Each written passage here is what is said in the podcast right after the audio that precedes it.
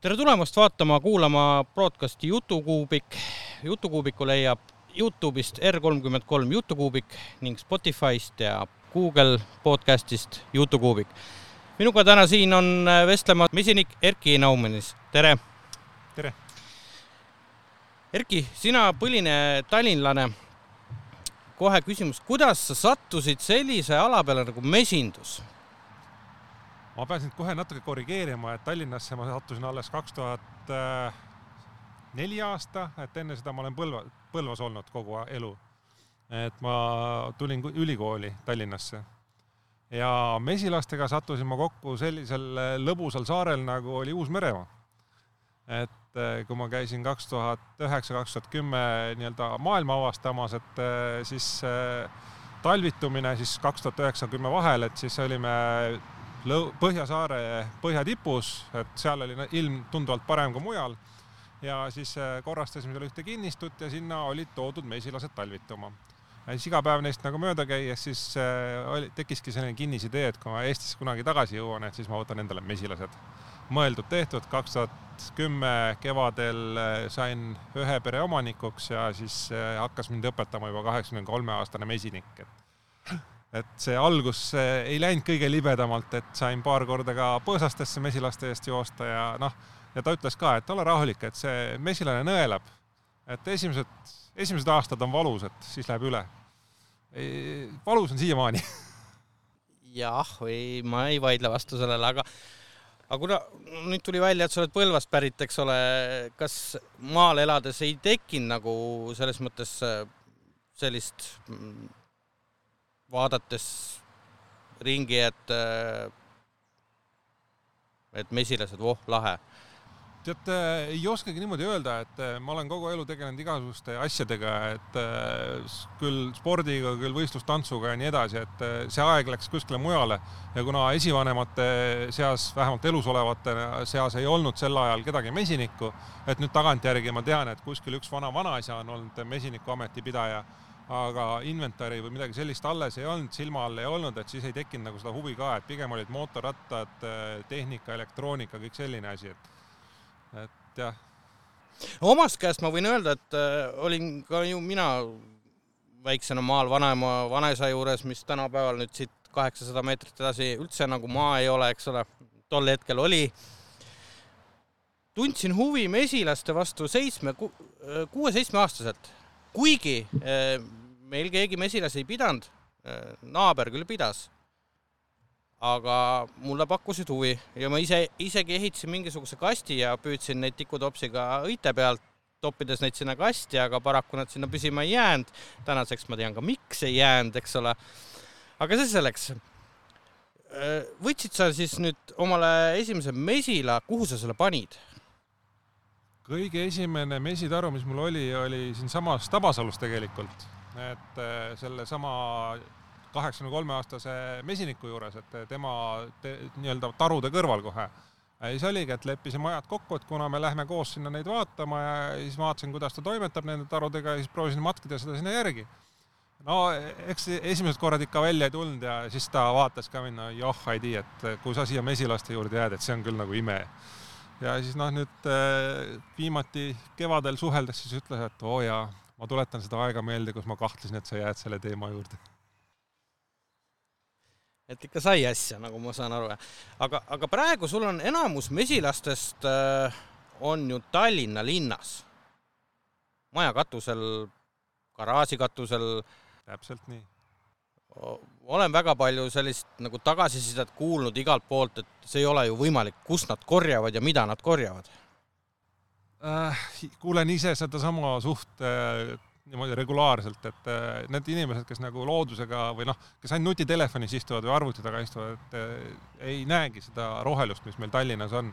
aga kui me nüüd ringi liigume, siis äh, ütleks, et kesklinn on meil lehtmets, et puid ja sel-, lehtpuid on palju ja lehtpuude alla on tavaliselt pargid tekitatud, et kõik need Tamme, Tammsaare pargid ja kõik see on roheline.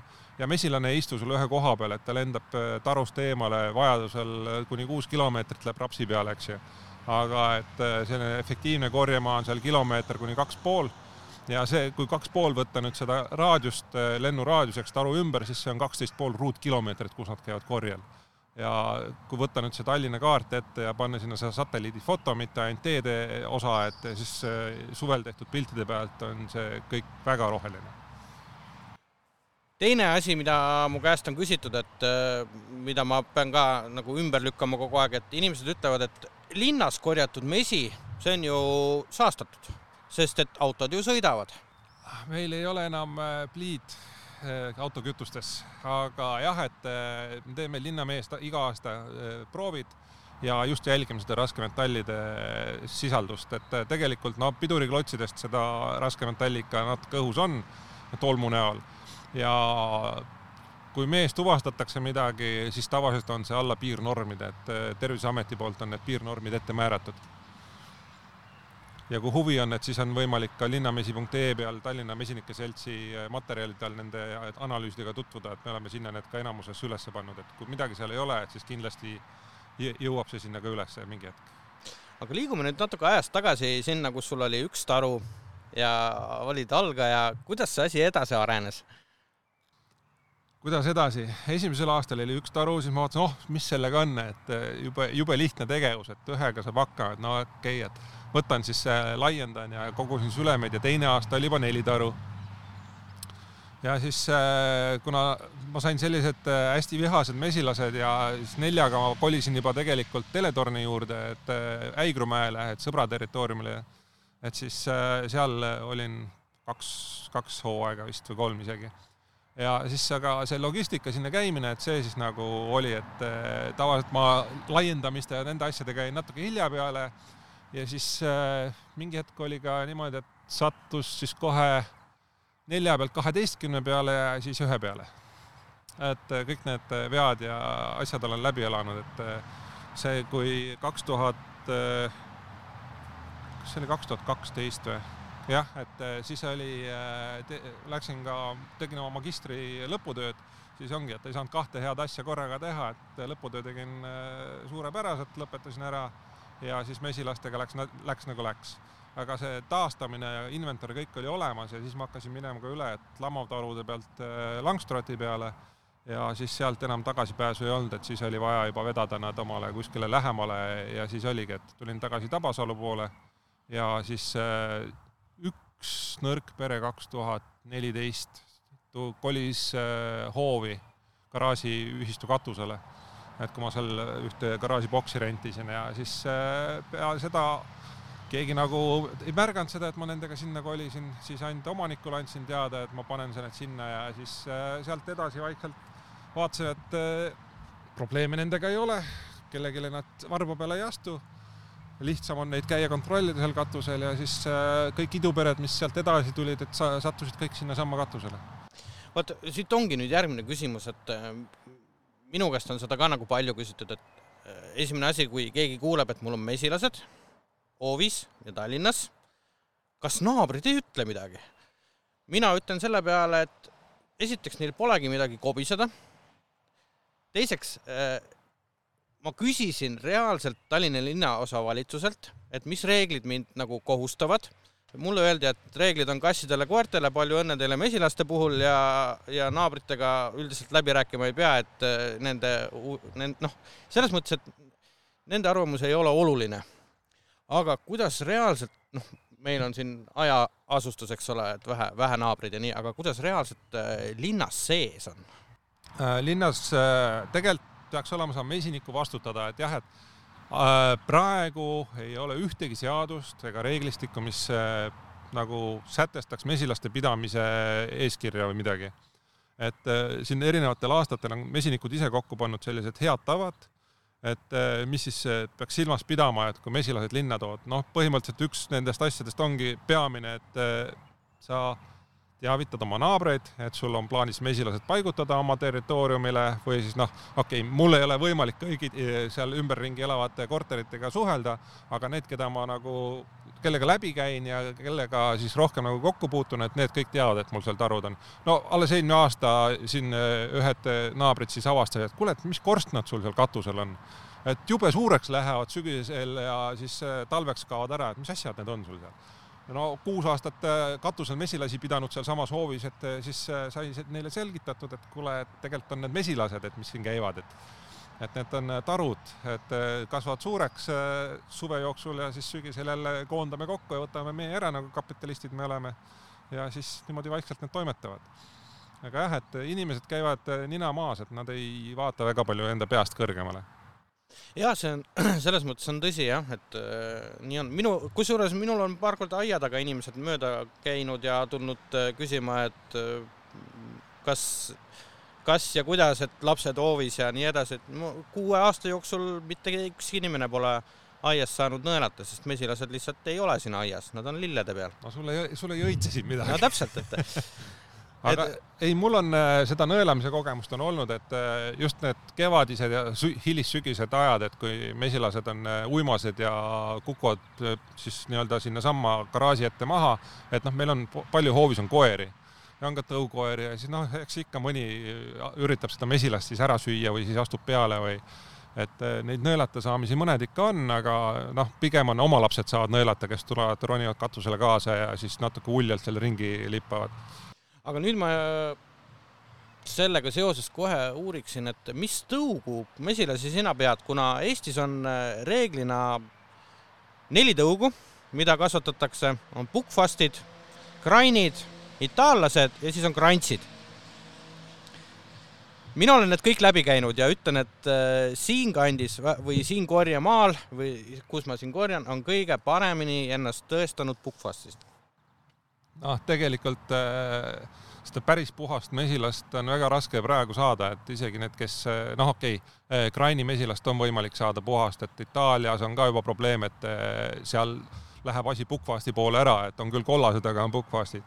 aga mida mina nagu eelistan, on mesilane, kes on rahulik, kes toimetab omaette, mind kui mesinikku ju ei sega väga, selles mõttes, et kui ma seal taru juures toimetan, et ta ei käiks üle ja siis noh, kui see nendele kriteeriumitele juba vastab, et siis ma saan temaga tegeleda ja siis hea oleks ka, kui ta veel mett tooks, eks ju. et äh, aga praegu nüüd äh, mul on kõike enam-vähem, et on kollaseid äh,, ta, ta ei ole nüüd päris äh, itaallane, aga sellist kollase, kollaste sugemetega, et äh, Jaaneksaarepuu päritolu on see materjal, siis pukkvaaste on äh, mitu erinevat äh, liini hetkel ja siis äh, on ka, ka seda granit puhast granit, Singeri granit. ja siis, äh, et natukene siis asja lõbusamaks teha, et siis on neid paarutatud pukkfaasti äh, mesilastega. et vaadata, et äh, kuidas see nii-öelda paarumine annab siis efekti erinevate puhastõugude paarumisel pukkfaastiga. et noh, siin ka võib öelda seda, et pukkfaast ei ole mesilase tõug, vaid see on aretusmeetod ja ma olen seda dokumentaalfilmi isegi vaadanud, kuidas äh, munk, äh, ma nime hetkel ei me-, ei meenu, mis vend ta Adam. oli. just, vend Adam, kus ta käis üle maailma, otsis äh, Aafrikast ja Aasiast ja igalt poolt erinevaid tõud ja lõpuks ristas need. väga hästi tegi, väga, väga toimekas mesilane on. noh, jah, selles mõttes, et kui ta liin kaks-kolm korda edasi käib nii-öelda siis on, siis on vähe metsas, aga, aga siis ongi emade vahetus jälle. ei no tegelikult see, sa võid ka, kui sa siin hakkad oma nii-öelda mesilasse jälgima ja vaatama, et mida sa siis nagu tahad paljundada, et kas sa, et noh, igal perel on mingid oma omadused, millega ta siis silma paistab, eks ju, vaatadki, et kas ta on agressiivne, siis sa vaatad, no okei okay,, sa neid geene sa ei taha edasi, et siis sa korjad lesehaudme välja, et no geenid lähevad edasi, need omadused lähevad edasi leseliini pidi. nii peamiselt, noh, seal on muidugi see, et eh, nimetame neid leski ju lendavateks geenipankadeks. et eh, emast sõltub ka palju, aga kui sul ongi eh, selline rahulik, eks ju, kes püsib kärjel, siis sa valid ta välja ja üritad neid geene nagu edasi anda, üks asi on, et sa soodustad nende lese kasvatuse tegevust ja siis teine, et kui sa, sul on teine pere kuskil, millel on samamoodi hästi rahulikud mesilased, siis te sellest ka võtad ema, hakkad kasvatama või siis ema algmaterjaliks et noh, siin ongi see, et eh, erinevad sellised head asjad tuleb kokku panna ja siis sealt, kui on sul veel erinevad eh, rassid, eks ju, et võtame nüüd selle Kraini ja võtame siis ka siis mingi pukkvaasti eh, juba heade omadustega ristandi ja neid paarutame omavahel, siis seal on ka võimalus saada väga head tulemust. Teine võimalus on saada väga kehva tulemus, et lähevad tigedaks ja muid selliseid eba, ebavajalikke nähtusi tuleb nagu, et hakkavad kittima kõvasti või mis iganes või siis hakkavad sülemlema, aga noh, kui see nii-öelda heteroosi efekt välja lööb ja juhtub, et on väga hea tulemus, et siis võid pangedega mett koju vedada ja mesilased on tugevad, terved, haue on hästi terve ja kõik sellised head omadused võivad välja tulla. no vot, aga nüüd ongi niimoodi, et äh, paar viimast aastat ma julgen öelda, vähemalt siinkandis, mul on väga tugevad pered ja meesaak on praktiliselt noh, omale ja kõik. seitse, seitse kilo oli eelmine aasta nelja taru pealt nelja taru pealt seitse kilo. see on natuke vähe. iseenesest seda korjemaad sul siin ümber peaks olema, et aga... see oleneb suvest. no ma tean, eelmine suvi oli väga kehva näiteks. ja, ja tegelikult on, siin on niimoodi, et äh, praegusel hetkel äh, põld on täis, äh, ma ei tea, kas see on raudrohi või mis see on, see valge õiega sihuke pisikesed õied. Sealt tuleb reaalselt, ütlen, tillimaitsega mesi. Mulle see väga ei meeldi, osadele meeldib väga. Siis on, siis on mingi paus ja siis on terve põld, mitte põld, pool põldu on täis äh, põdrakanepit. jah, aga ma, kui ma praegu äh, nüüd äh, reaalselt eile käisin oma tarud läbi, siis aue on täpselt niimoodi, et no jaanipäevaks ma kujutan ette, on plahvatus jaanipäevaks, noh, põhimõtteliselt peale jaanipäevast algab ju meil peakorje enamus kohtades Eestis. Et äh, nüüd enne jaanipäeva peaks olema selline poolteist nädalat, kaks nädalat korjepausi, aga kuna meil on äh, selle ilm olnud äh, jahe, et siis praegu õnneks nagu õitseb veel kõik, et tavaliselt selle aja peale on kastan juba ära õitsenud. Et linnas ma saan selle järgi nagu öelda, et kastan on suht hilise õitsemisega see aasta ja võib-olla veab niimoodi välja, et see looduslik konveier läheb edasi nüüd niimoodi, et kastan õitseb ära, jaanipäeva hakkavad siis seal pärnad ja muud asjad õitsema juba ja siis see põhim-, peamine saak mul tulebki Pärna pealt linnas. et noh, eelmine, eelmine suvi oli see, et väga kehva oli, väga kuum oli, Pärnu õitses ära kahe päevaga, mesilane peale ei jõudnudki.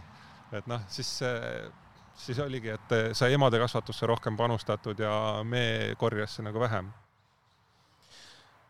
ja nii ta, nii, nii, nii ta on jah, et kõik aastad ei ole vennad, et, et olen saanud seitsekümmend kilo ühe taru pealt ja näed, seitse kilo nelja taru pealt, et. no täpselt. aga suhkrut tuleb neile sügisel ühtemoodi anda, et.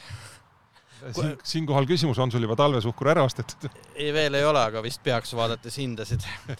aga liigume korra edasi.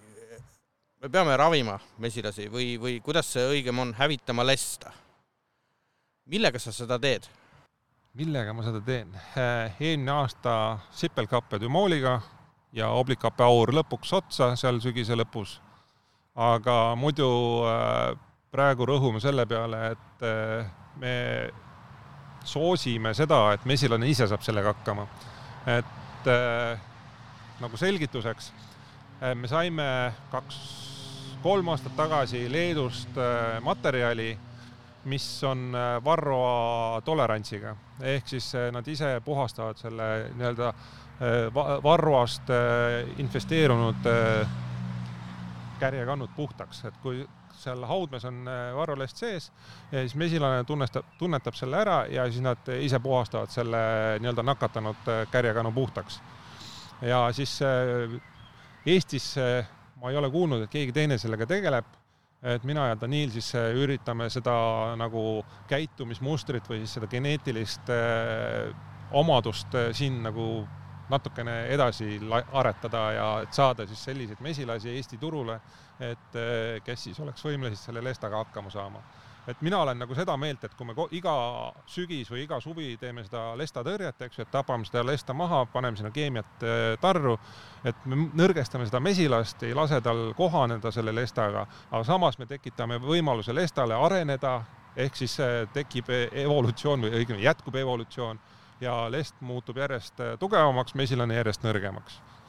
siinkohal ma tänan info eest ja ma võtan järjekorda väga äge, aga noh, see, see lestasuse teema on ka see, et eh, palju sul siin mesinikke ümberringi on? ma tean, et on poole mäe peal, kus kasvatatakse maasikaid, Tabasalu mm -hmm. poole mäe peal, et nendel on mesilased. aga ei ole- registris need ei ole ei? ole. no näed, siis ongi see teema, et jah, tegelikult äh, see, et kuidas sul see lestasus siin tekib äh, või levib, et äh, see on ka see, et palju sul mesinikke ümberringi on. et ma olen ka siin sinust li- linnulennud pooleteise kilomeetri kaugusel, eks ju, leskede vahetus käib noh, kokku puutuvad. jah, puutuvad kokku. Ja siis äh, tegelikult mina teen nagu väga aktiivselt nagu jälgin seda, et äh, seal lesta ei oleks, eks ju, või kui on, et siis äh, reageerin sellele, et kas võtame siis lesehauet välja, noh nüüd lesehauet me ei ole ka pikka aega välja nagu võtnud, et me soodustame seda, et las see lest siis, kui on, et on lesehaudmees ja kui mesilane selle välja roogib, siis ei ole nagu suur kahju et muidu on siin täheldatud ka seda, et kui kogu aeg võtad lesehaudmest, lõikad välja selle, et siis liht- lihtsalt see lest äh, migreerub sinna töölishaudmesse ja siis see harjubki seal nagu ära, et areneb selle peale, et ta siis töölishaudmes saab hakkama. no ja siis ta saab kauem seal Täpselt. lesida, eks ole. okei okay,, see jah, ma ma ütlen ausalt, ma ei ole ühtegi raamatut lugenud. ma ei ühe, ühegi koolitusel käinud.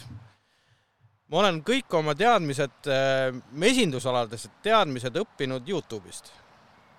küll ei saa sealt kõik üks-ühele võtta, sellepärast et kliimad on niivõrd palju erinevad, Uus-Meremaa, Austraalia ja Eesti on nagu öö ja päev, eks ole, onju aga üldvõtted saab sealt, sealt nagu selgeks ja, ja mul on läinud välja kuue aasta jooksul kolm pere.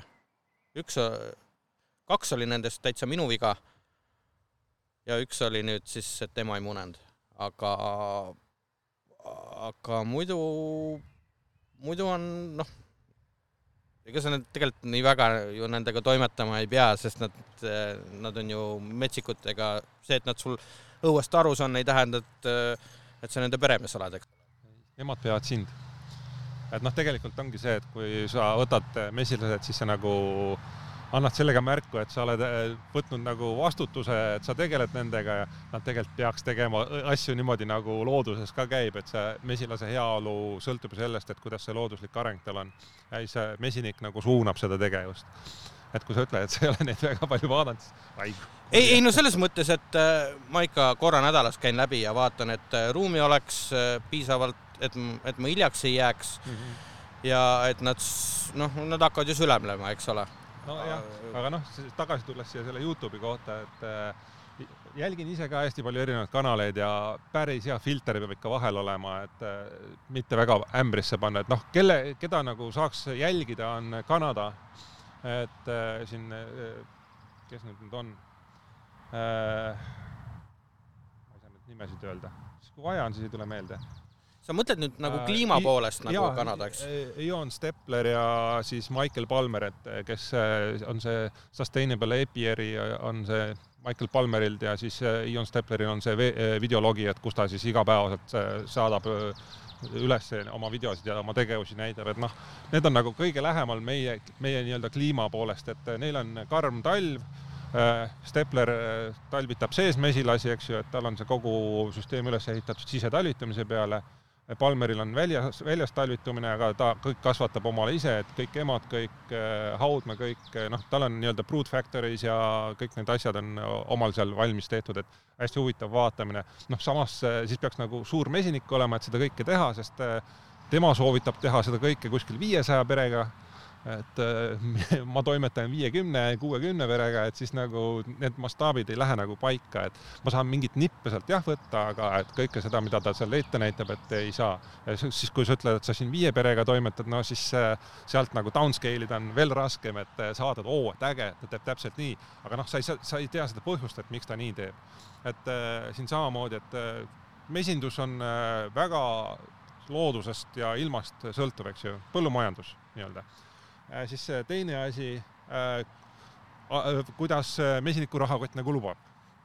et nagu me ennem siin põgusalt rääkisime, et sul on kogu aeg äh, millestki puudus, et äh, kas on kärjepõhja puudu, kas on raame puudu, kas on inventari puudu, et äh, kui selle kõik nagu ära saad, siis oled sa jälle nagu toppamas millegi taga, et siis äh, väga hästi Sergei Kozlov ütles selle kohta, et mesindamine on paisu tagant paisu taha et äh, siis hakkasin sellele mõtlema, et kurat, väga õigesti ütles. oih, et äh, nii nii ta tegelikult ongi, et sa alustad ühe perega, eks ju, siis vaatad, oh, et nüüd see nii-öelda enese kindlus nagu tõusis, eks ju, võtan neli tükki. järgmine probleem kohe, inventari, kus ma selle inventari saan kui ühe taruga sa saad eh, hakkama oma koduses köögis, eks ju, et seda mett ei ole palju, eks ju, noh, teinekord juhtub, et on seitsekümmend kilo, tuleb sügisel kätte. aga siis selle sa nagu suudad ära majandada, et võtad selle raamhaaval, nõrutad, teed. nelja perega on see juba natuke keerulisem, siis on sul juba mingit väikest vurri vaja. siis on sul vaja lisa, lisakorpuseid asju et äh, kõik see ja siis on veel vaja ladustada seda kuskil, no siis okei okay,, võtad garaaži juurde. ja siis äh, sul kallis abikaasa avastab, et oo, sinna on hea lapsekäru panna ja jal, jalgrattad ja kõik muud asjad ja ja siis vaatad, et okei okay,, neljaga saan hakkama, sülemid poolitame, okei okay,, kaheksa, kaksteist, no ja siis niimoodi hakkabki see tulema, et äh, siis on see, et kaheteistkümne jaoks on sul inventari jälle rohkem vaja, siis on sul kevadel kärge vaja, siis on sul raame vaja siis äh, noh, see tutvusringkond ka sul kasvab, eks ju, äh, saad teadmisi juurde, äh, efektiivsus läheb suuremaks, et ei ole enam kümme-viisteist kilo sul selle ühe pere kohta, et tuleb juba nelikümmend kilo, viiskümmend kilo pere kohta aasta keskmine. siis on vaja sul siirupit või siis suhkurt, et talve söödaks ja kõik need asjad järjest kuhjuvad ja siis ongi see, et kas sa nokitsed nüüd omaette või sa siis sa võtad kellegagi ühte, et seda inventari jagada, et kõike ei ole mõtet omale osta, eks ju no siis on ka see, et äh, seda inventari on kõigil ju korraga vaja. Et kui vurritamiseks läheb, siis on kõik enam-vähem samal ajal on vurritada vaja. Ja siis aasta aega jälle see vurr seisab. et no niimoodi see kõik lähebki. Paisu tagant paisu taha. ja siis äh, see jah, et kui nüüd praegu peaks uuesti alustama, siis ma ei tea, ma otsiks omale sõbra mesinikku ja ostaks tema käest selle kõik. Nii palju ma võin sellest inventarist rääkida, et no mul on see väike käsivurr, kaks raami läheb sisse, saab hakkama tarud ma olen ise ehitanud kuni selle aastani, sellepärast et puit on niivõrd ropp kallis, et penoplasttarud on odavamad osta. ja see, praegu ma nüüd kaks erinevat firmat ostsin, üks on crap, teine on okei okay.. aga noh, peab hakkama saama sellega. ja, ja kaks taru on mul endiselt puidust, nendel mul korpuseid jagub. aga tõesti, alustamine on üsna, ole, oleme ausad, et, et et äh, kui sa nüüd sülemeid metsast püüdma ei lähe, mille tõenäosus on viiskümmend, viiskümmend, tuleb, ei tule, eks ole, sa lähed ostma kevadel pere endale. see on ju reaalselt, just täpselt, et see ei ole odav lõbu üldse. ja pane sinna sada kuuskümmend eurot veel tarukomplekt juurde ja siis on sul veel vaha vaja või? jah, alustada on väga keeruline ja ühe-kahe taru pärast tegelikult ei ole sul vurri ka vaja, et äh, selle saab nagu lihtsalt nõrutades, aga, või siis niimoodi kraapides, et sa jätad selle, noh, see on jälle teelatehniki nii-öelda, et kuidas sa seda teed. et äh, ma alustasin ka kahe, kaheraamilise vurriga ja siis, kui nagu käsi peale seda vurritamist nädal aega nii-öelda kasutuskõlbmatu oli, siis ma vaatasin, et ei, nii ei saa.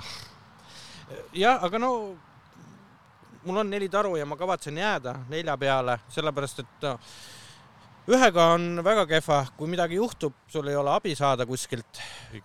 ja, ja kahega on noh, nagu niru, et noh, neli on okei okay. Teg. tegelikult on see, kas sul on kaks või viis, et seal nagu vahet ei ole, et noh, inventari vahe on, aga see kõik eh, tegevused ja kõik ülejäänud ajakulu, et see on enam-vähem täpselt sama. ja olen kursis, üks aasta mul oli kaheksa, üheksa taru, vabandust. siis läheb juba natuke paljuks. ja läks väga paljuks, et peale tööd eh, pere kõrvalt eh, väga-väga keeruline oli juba peale tööd pere kõrvalt kõlab nagu, tuttavalt. kõlab nagu sina, eks? jaa, mul on nagu kümme korda rohkem tarusid no sa, sul on kogemust ka rohkem ja, ja sa oled pikemalt tegelenud sellega, eks ole no,? jah, eks see kõik on valulikult läbi tehtud, et oma esimese nii-öelda korpustaru ma ehitasin äh, üürikorteris köögis äh, väikse saepingi peal ja siis naine arvas, et kuule, et nii see asi ei lähe, et mine garaaži aga kas sinu tarud on soojustatud või soojustamata? kuule, ma olin pikalt seda usku, et mesilased ei vaja nagu sooja talvel, et nad saavad hakkama, et oli, algselt ma kasutasin nagu lihtsalt eh, neid kaheksateist millimeetrisest materjalist äh, korpuseid, aga nüüd äh, viimased kolm aastat ma olen järjest läinud üle talvitumisel äh, soojustatud korpuste peale. et suvel meekorpusteks need tavalised puitkorpused sobivad ideaalselt, aga talvitumine võiks olla ikka soojustatud korpuses meie kliimas, et meil on see, meil on nii-öelda rumal olukord, et meil on soe, külm, soe, külm, soe, külm, eks ju, sellist stabiilset stabiilset temperatuuri talvel on väga raske, ei ole tegelikult. et no viimane talv oli nagu selline erakordne, et oli selline, et läks, äkki oli novembri lõpus läks külmaks ja oligi suht stabiilne niimoodi sinna taasiseseisvuspäevani, et kahekümne neljanda veebruarini, eks ju. et kakskümmend neli veebruar oli, täheldasime, oli esimene puhastuslend see aasta. et sellepärast ma tean seda ja siis nagu läks korraks soojaks, oli paar päeva sooja ilma, mesilased said väljas ära käia hädal ja siis läks jälle jahedaks kuni märtsi lõpuni. no ja siis nüüd on selline kehv suusailm olnud äh, kuni nädala alguseni. aga noh, mesilased peavad sellega kõik hakkama saama ja siis toimetama. ja vot ongi, minul on siin, mis ma tähele panin, mul olid äh, soojustatud äh, hädapärast korpused, panin tavaline puidust korpus, panin sinna soojustusmaterjali ümber ja hästi, eks ole. tegelikult ei ole hästi, sest põhi on lahti ja see niiske õhk tuleb alt sisse ja tegelikult rapib päris kõvasti mesilasi. ja siis äh, ma otsustasin, et ma ehitan äh, kaks korpust üksteise otsa, panin äh, soojustuse korralikult veel selle termoteibiga kõik vahed kinni, põhja ehitasin ka kinni ja, ja, ja üheksakümmend protsenti mesinikke, kellele ma ütlesin, et ma nii tegin, ütlesid, et sa oled loll, sul mesilased on äh, kevadeks surnud. tegelikkus oli see, et mul olid mesilased kevadeks tugevamad kui kunagi varem.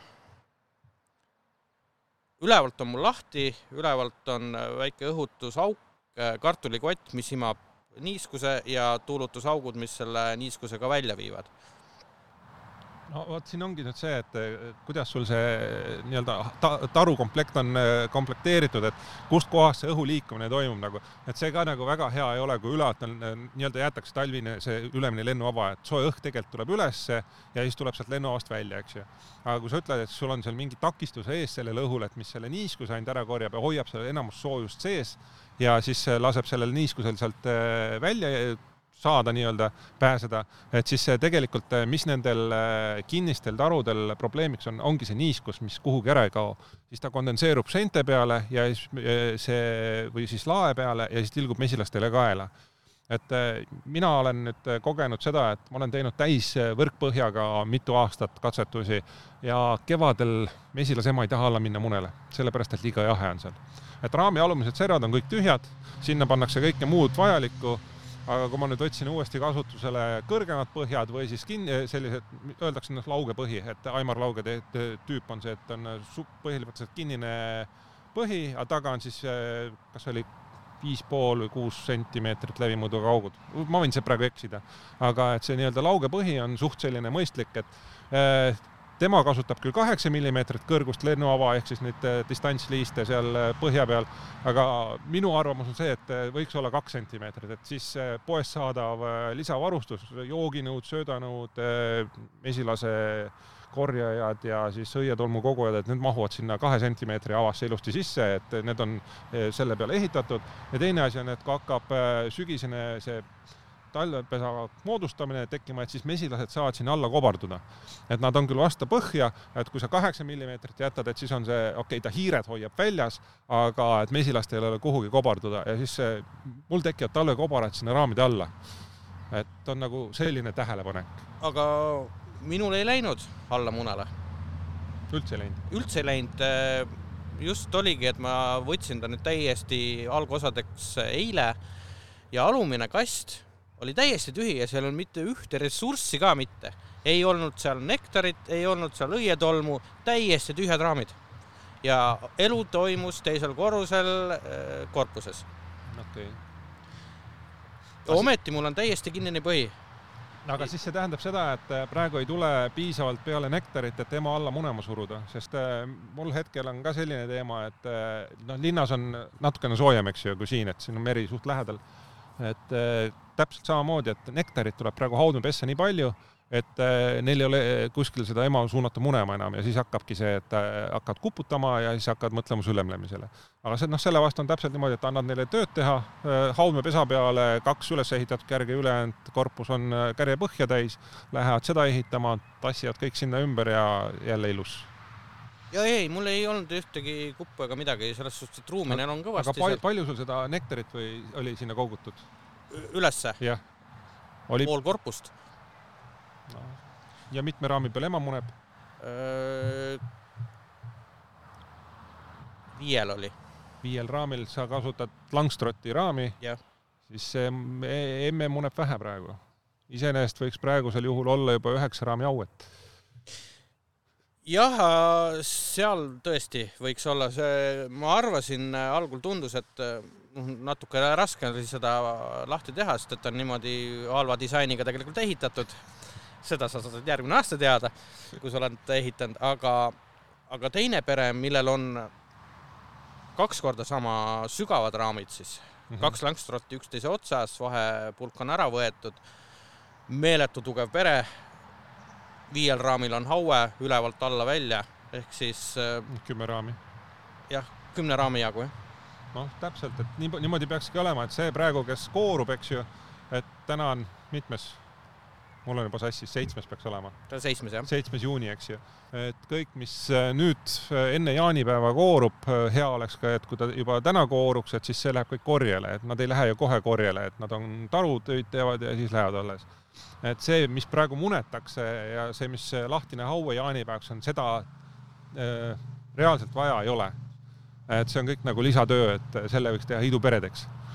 ja siis äh, oleks sööta vähem neil neid mesilasi või noh, vaklu, eks ju, ja et kogu see mass, kes nüüd on seal tarus, et see tegeleb selle korje, korje teemaga. Ja siis ongi, et saad oma meesaake nüüd sellega natuke mõjutada, et äh, täpselt sellele, et kui palju sul neid mesilasi seal tarus on. Et noh, öeldakse, et kuskil nelja, nelikümmend päeva ette võiks mesinik arvestada oma neid tegevusi, et me teame, et jaanipäev on äh, siis see nii-öelda peakorje alguspunkt, et neli päeva ette, et siis seal munetud munad lähevad peakorjele. aga kas praegu ei ole niimoodi, see kliima on äh, natukene vussis äh, reaalselt, et mul on tunne, et kevad on vähemalt kaks nädalat nihkes? kui mitte rohkem. kui mitte rohkem, just täpselt, et et noh, siin me ennem sellest looduslikust korjest ka rääkisime, korjebaasist ja konveierist, et et see kastan peaks olema tänaseks päevaks juba suht selline õitsemise lõpufaasis, aga ta alustas õitsemist alles nädal tagasi. et äh, siis ongi, et äh, loodame, et ta nüüd veab välja mingi osa sinna jaanipäevani äh, või siis hakkab lõpetama, et natuke enne jaanipäeva, et elame-näeme, et mis see loodus teeb, et ei oska ennustada praegu üldse mitte midagi lihtsalt äh, eelmise aasta kogemus on see, et kõik oli kiiresti ära õitsenud, siis oli pikk vahepaus, et meislased äh, hakkasid ära sööma seda, mis nad olid juba korjanud. et loodame, et see aasta läheb natuke paremini, et äh, neil on seda korjet rohkem ja siis saab seda nagu rohkem pidevalt ka teha, et. miks ma olen hoidnud nelja taru antud piirkonnas, on see, see, et ma kardan, et konkurents on nii tihe, et et nad, eh, neil ei ole korjata kuskilt, kas ma nüüd mõtlen valesti või võiksin võtta ühe taru lisaks? Äh, konkurents, siin sul ei ole konkurentsi põhimõtteliselt. no sinu omad on, Kakumäel on mingisugused kohe kindlasti paar tükki äh,, ah, noh, see, need on paar tükki, eks ole. see on paar tükki ja Kakumäe siit ei ole väga, siin on, siin on kui see on rohkem kui poolteist kilomeetrit kaugus, siis korjebaas või see korjemaa võib kattuda, aga nagu, nagu me rääkisime, et kaksteist ruutkilomeetrit on see, kus nad käivad korjel vähemalt. et äh, pigem ma ütleks, et see piiratud äh, mõtlemine on meil kahe kõrva vahel, et loodus äh, peaks olema ju üles ehitatud niimoodi, et me kasutame õigemini loodus annab võimalikult palju, et kõik putukad saaks sööduks, söönuks et äh, tegelikult äh, see küllus, mis looduses on, on meeletu, et isegi kõik ei tarbita ära, et osa kuivab ära, osa lihtsalt, eks ju, lähebki raisku. et äh, lihtsalt see, mis mesilased suudavad kokku koguda, on väike murdosa sellest, mis looduses võimalik saada on. ja kui sa ütled, et siin on konkurents, siis tegelikult ei ole konkurentsi mitte midagi, et mul on siin kuustaru ma tean, et äh, Tabasalus mäe peal on äh, veel äh, vähemalt kaks või kolm tükki, siis sa ütlesid, et poole mäe peal on mingi paar tükki, noh, sinul neli tükki, et siin on viisteist, põhimõtteliselt ühe grupi jagu mesilasi on. Ümber siin paari kilomeetri raadiuses, et ei ole üldse palju ju. kui nii võtta, siis äh, ei ole jah, et võib-olla, ei, las olla. Vähem toimetamist. Vähem inventari, rohkem raha jääb alles. ei no tegelikult see, mis siin Harku järve grupp on, et see on selle programmi kaaluga ka, et kui sa tahad, et saad jälgida sealt, et palju juurde tuleb, et eile, eile, eile me vaatasime, oli neli kilo oli nektarit juurde tulnud. viimased paar päeva on tõesti olnud väga ilusad. nüüd on kahjuks on võilill vist on ära õitsenud. esimene ring jah. võilille pealt tuli, ma kujutan ette, päris kõvasti. ei tulnud, jahe oli võilill õitses niimoodi ära, et väga palju sealt ei tulnud. aga mida nad siis tassisid praegu sisse, sest et äh, nektarit tuli küll kõvasti? ma ei oska öelda, mida nad, äh, meil käivad aiateivaste peal, et vett mett, ei, mett toomas aiateibast. et öeldakse, et kui on kehv aasta, et siis tulevad, imevad aia, aiateibast ka mee välja, et noh, meil, mhm. meil on seal neid aiateibaid küllalt kuidas, äh, kuidas sa suhtud sellesse, et näiteks sa lähed poodi ja võtad purgi mett ja see on purgi, no ütleme, poolekilone purk maksab noh, kolm viiskümmend. sest see, see ei ole reaalne hind. ei, see ei olegi reaalne hind, vaatad ja nutad ei no see, reaalselt see ei, mina arvan, et see ei olegi mesi üldse äh,. noh, ma julgeks nagu nii palju öelda, et kui on Eesti tootja või Eesti pakendaja, et siis äh, seal äh, võiks olla ikka see Eesti mesi sees, et äh, siis see kolm viiskümmend ka kindlasti ei maksa aga et see, mis on toodud kuskilt äh, mujalt sisse mesi ja müüakse nüüd siin seda kolm viiekümnega, noh äh, ma ei taha küll kedagi laimata ega midagi, aga Rimi mesi sügisel, see tundus väga selline helendav asi pimedas. et äh, värv oli küll selline, et väga neoonkollane et äh, ma ei oska öelda, mis asi seal oli, et seal ei olnud nagu päritolumaad ka otseselt, oli väljastpoolt Euroopa äh, riiki või noh, riike toodud mesi, et noh, kus ta siis tegelikult on, et ei oskagi öelda. aga jah, et äh, see poe teema on üks selline jah, väga kriitiline teema, et kui me saaksime nagu selle inimese tarbima eestimaist mett, et äh, siis ei oleks tegelikult meil vaja mett üldse sisse osta, et nii palju, kui ma mesinikega rääkinud olen, siis ladudes veel mett jagub et pigem ongi see probleem, et osteta, inimesed on hinnatundlikud, kõik asjad lähevad kallimaks, siis võetaksegi seda, et mis on odavam. aga, aga kui sa võtad nüüd selle Rimi mee, see lihtsalt on näide, eks ole, me ja. ei pruugi rääkida Rimi meest üldse praegu, võtad, ütleme, poemee, mis on siis nii-öelda odavama otsa oma ja ütleme, ma võtan kapist praegu, mis ma siit olen võtnud, siis see vahe on ju öö ja päev. muidugi on. et soovitatakse ju tegelikult tarbida toitu, mis on äh, kuni viie kilomeetri kaugusel sinu kodust kasvanud. no palju selliseid kohti võimalus on äh, saada, et äh, ma vaatan, et sul isegi ei ole potipõllumajandus siin püsti aetud. ei, mul väike kasvuhoone on ja midagi seal kasvab, aga, aga see selleks. mis ma taha, veel tahtsin küsida niisugust asja. ma vurritan mee ära, ma panen selle purki. pool aastat hiljem vesi, mesi on vedel. see on väga hea mesi sul ja, ja nüüd kohe-kohe saab aasta ja mul on mesi siiamaani vedel. võdrakanep täpselt nii. ja, ja kui ma ütlen kellelegi, et äh, kuule, et vedelmesi äh,, äh, see on suh-, suhkrusiirup või jumal teab, mis pask ja, ja, ja ma ei julgegi öelda mesinikele, et kurat, mul vesi, mesi ei kristalliseeru ei, äh, paakspuu ja põdrakanep on meil sellised taimed, mis nagu on, ongi, et jääb vedelaks. et ma ei tea, ta päris vedel ei ole, et ta on nagu selline sült, eks ju, pigem nüüd on ta läinud õrnalt sültjaks, aga, aga ta on mul toas kapis ja seal on soe, eks see. aga on... siis sa säilitad mett valesti ju. selles mõttes, et äh, kõige paremini säilib mesi äh, keset köögilauda lastele hästi nähtavas kohas. ja mul on üks purk nii ka, aga, aga teised on noh, ma olen pakendanud nii väikestesse purkidesse kui suurematesse, kuna eelmine aasta oli nii vähe, siis ma jätsin kõik endale, ma ei müünudki kellelegi mitte midagi. ja olen kinkinud mett. sest et äh, inimesed, kes on saanud mett kingiks, mis on nagu päris mesi, ütleme siis niimoodi, on väga õnnelikud olnud. sest et see, nad vist ei ole aastaid saanud õiget mett, sest et nad ütlevad, et see, see on lihtsalt niivõrd hea maitsega. ei no ta on äh tegelikult, kui sa ütled, et äh, ei ole saanud head mett, siis äh, iga aasta mesi on erineva maitsega. et ma saan siia kohe kõrvale tuua näite, et äh, miks ma seda ütlen. mul on linnas grupid seitsme poole kilomeetri vahega põhimõtteliselt, no kesklinnas on natuke tihedamalt, et seal on kuni poolteist kilomeetrit ja viissada meetrit ja kuidas nad sealt parasjagu on. aga et ütleme, et Endla grupp, siis on Harku järve, siis on Tabasalu grupp ja siis kõik see seitse pool kilomeetrit, okei okay,, loomaaed on ka vahel veel Eh, et eh, need kõik meed on erineva maitsega isegi sealsamas, kus on LHV katusel ja Nordicu katusel, seal on võib-olla on maks kuussada meetrit on vahet kahel grupil, isegi seal see mesi on erineva maitsega ja kui oli Tallinna Ülikooli katusel ka veel, siis see oli vapsee võrratu maitsega. ei no siin on samamoodi, kevadel on helemesi, sügisel on tumemesi ja täiesti erinevad maitsed on. ja nagu ma ütlen, kevadel on juhtunud niimoodi, et mesi on tilli maitsega. Et väga, väga huvitav, et ma mõtlesin, esimene aasta mõtlesin, kas ma ise olen midagi valesti teinud. ei, noh, mina, mina saan mett, mis on järelmaitse on kergelt mõrkjas, aga meenutab nagu oleks piparmünti lisatud. kas see on Tabasalust äkki? ei, see on ainult linnas. see on ainult linnas? see on ainult linnas. sest et siin on ju mingisugune Tabasalus on hästi mahe ja Harku järvel on ka hästi maheda maitsega sest siin on ju raba ja rabast igasugused erinevad äh, ja. huvitavad taimed kasvavad. Aga see ja, ongi, et äh, siitpoolt tuleb nagu selline hästi mõnus mahe nagu äh, nii-öelda päris meie maitsega, nagu lapsepõlves oled äh, harjunud tegelikult, et see oli kuskil samamoodi metsaniitudelt korjatud mesi, eks ju. aga linnas annab pärn selle piparmündilise maitse Kakumäel on tegelikult äh, üks tuttav mulle ütles, väga suured ja vanad pärnad ja praegu õitsevad täies hoos. praegu? jah Pärn veel ei tohiks õitseda üldse? Kas hakkavad kohe õitsema või juba õitsevad, äh, nii ta mulle ütles. ma ise Aga... ei ole käinud vaatamas, ma ei tea isegi, kus nad asuvad. me just vaatasime, et Pärnu linnas vähemalt isegi õienuppe küljes veel.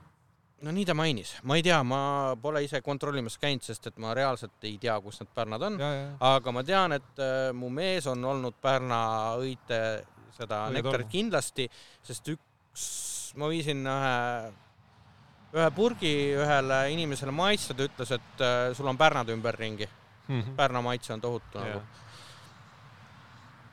ma ei ole nii suur gurmaan, ma ei oska vahet teha. tegelikult selle nii-öelda Pärna, Pärna õie määramine või see Pärna nektari määramine käib ikka õietolmu järgi, et äh, tegelikult, äh, et nagu kin-, kinnitust saada, siis on laboris seda teha mõistlik ja siis saab ka nagu, et äh, palju, palju seda õietolmu siis seal sees on, siis saad selle järgi öelda, et äh, mis seal äh, see protsentuaalselt võiks seda Pärnu sees olla. aga Pärn väga palju õietolmu nagu ei anna ja siis kõige puhtam Pärna mesi, mis on kunagi minu kätest nagu läbi käinud, et see tuli Nõmme Nõmme sauna ehk siis Valdeku viisteist, et see saun, spordihoone, selle katusel olnud mesilast, et seal on ümberringi on männimets. aga Pärna mesi? aga täielik puhas Pärna mesi väga huvitav et äh, Liisa Puusepp tegi seda õietolmu analüüsi ja siis ta ütles, et ta ei ole elu sees näinud nii palju Pärna õie õietolmu kuskil meeproovis. et seal oli, kas oli mingi viiskümmend üks protsenti oli seda, kui mälu ei peta nüüd, et noh, mul on mälu natuke teiste asjade peale kasutusel, et et sellised, aga jah, et selline emotsioon temalt, et ma ei ole nii palju Pärna õit või seda õietolmu meie sees näinud mis sa, mis sa arvad, kaua sa jaksad niimoodi? mesindusega tegeleda? jah, töö kõrvalt elame-näeme, ütleks selle peale. et noh, ta on hobi, mis on üle pea kasvanud ja praegu suht-koht on ta ise majandav, et ainult oma nii-öelda töötunnid tuleb sinna panna, mille eest ma palka ei saa, jutumärkides. et no see, et ma saan see, noh, palk on nagu te teisejärguline, et eh, pigem on see, et ma saaks oma investeeringut tasaselt teha ja siis äh, ongi see, et äh, eesmärk on see, et võib-olla sellest või järgmisest aastast omale ka palka sealt natuke maksta. siis ta on nagu juba natuke nagu hobitöö. Siis... ei, aga samas äh, töö, mida sulle hirmsasti meeldib teha, ei olegi töö no,, vaid see on hobi. no täpselt, tegelikult peaks olema nii, noh, mulle nagu super hästi meeldib see osa mesindusest, kus on nagu kevadest äh, kuni selle vurritamise alguseni. kõik see, mis sealt vurritamise algusest järgmise kevadeni võiks vahele jääda et ke, seda võiks teha keegi teine, onju? seda võiks keegi teine teha, jah. et äh, see, noh, vurritamine ka veel, eks ju, et see on nagu lihtne töö, aga siis sealt edasi see nii-öelda sorteerimine, sulatamine, jändamine ja kõige hullem osa ongi see müügiteema, et kui on hea meeaasta, siis on nagu seda mett suht raske turustada, sest kõigil on teda palju. vot see, sellega ei ole mul probleeme tulnud. mul on nii palju, paar, paar korda olen nagu natuke ära andnud, kui on tulnud rohkem. Kakumaa inimesed on järjekorras ma usun. sellepärast, et see on kohalik mesi. ja täpselt. et noh, jah, see, see on selline huvitav teema, et eh, mul on ka oma selline klientuur tekkinud, et kes tulevadki, kuule, ma tean, et su mesil on siin, ma tean, kus kohas nad korjad käivad, nad käivad mu aias korjel ja ma tahan seda mett saada. jah, ja, ja, ja, ja sealt ongi see, et see on nagu, sa tead, mida sa saad. täpselt. okei okay,, aga suur tänu, et sa said aega tulla ja, ja kindlasti me näeme veel. kindlasti ma tahan sult emasid osta, mesilase emasid. ja, ja, ja teiega näeme järgmine kord uuesti ja jälle nägemiseni, tšau